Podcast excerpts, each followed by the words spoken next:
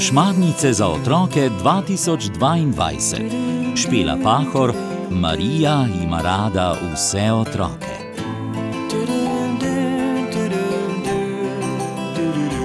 Bere nam jih Juri Sešer. Dragi poslušalci Šmarnic, lepo pozdravljeni. Ko smo v včerajšnjem delu govorili o čudežih in se pogovarjali o njih, smo se spomnili tudi na romarska središča, na Marijo. In danes bomo spoznali, da je kraljica miru. Z mojco Petrom in Majo smo šli večkrat mimo doma upokojencev. Ko so bili dnevi toplejši, so nekateri stanovalci doma sedeli na klopcah, lovili so sončne žarke in se pogovarjali. Vedno so nam pomahali. In mi smo jim pomahali nazaj. Pridite še kdaj k nam na obisk. Tako prijaznemu vabilu se je težko upreti. Danes popoldan smo se ustavili pred ograjo, ki loči našo ulico in park pred njihovo stavbo. Seboj smo imeli škatlo piškotov, jabolčni sok in zavitek s kavo. Na klopci so sedele tri sivolase ženice. Vam lahko nekaj prinesemo? smo vprašali v en glas. O, kar naprej, saj so vrata v park odprta, so se razveselile. Prisedli smo in položili stvari na mizo. Ja, kako ste prijazni, lepo, da ste prišli. Ste danes že končali pouk? Tudi naloge smo že naredili. Kaj zanimivega se pa učite v šoli? so vprašale. Naštevali smo predmete in one so zadovoljno kimale. Lepo je, da lahko hodite v šolo in se učite. Nekateri otroci nimajo te možnosti, je rekla ženica v rdeči jopi. Jaz sem zelo rada hodila v šolo. Potem pa se je začela vojna, očeta so odpeljali v Nemčijo in morala sem pomagati na kmetiji, da smo lahko preživeli. Pripovedovala nam je o vojakih, letalih in bombah. Teh smo se grozno bali in smo zatekli skrit. Skrili smo se v bližnjo jamo ali v hlev, kjer so dihale živali in nam je bilo toplo. Večkrat nas je vzel k sebi katehet. Molili smo in čakali, da napad mine in se lahko vrnemo domov.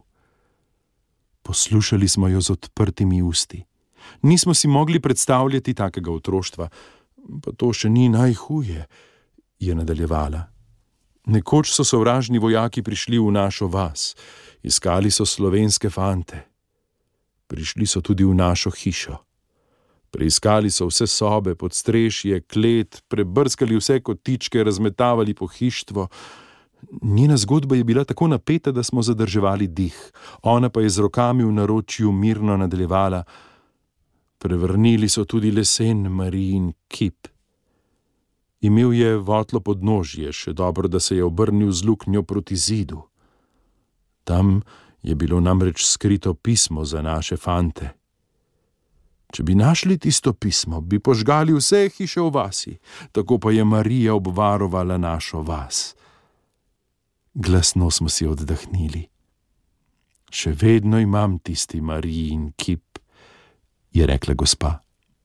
Iz zlatih nitk sem ji naredila krono in vsak večer se ji zahvalim za življenje, za zdravje in mir.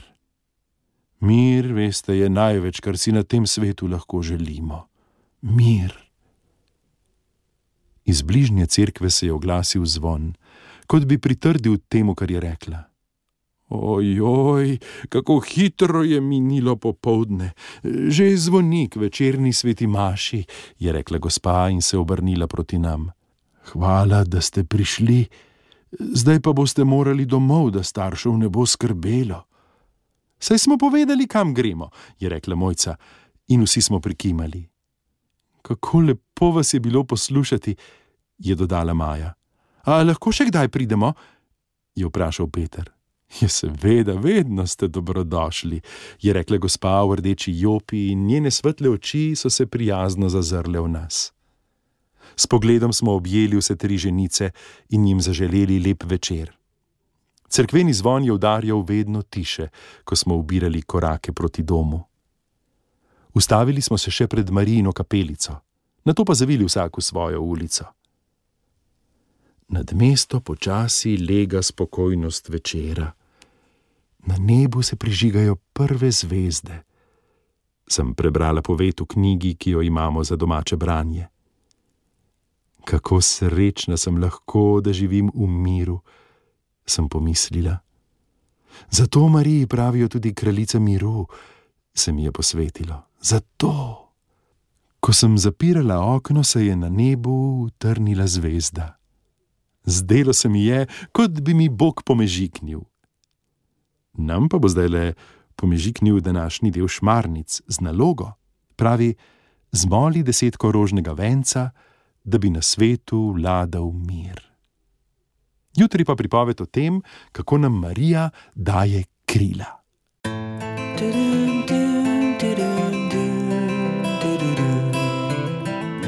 Zgodbe za otroke.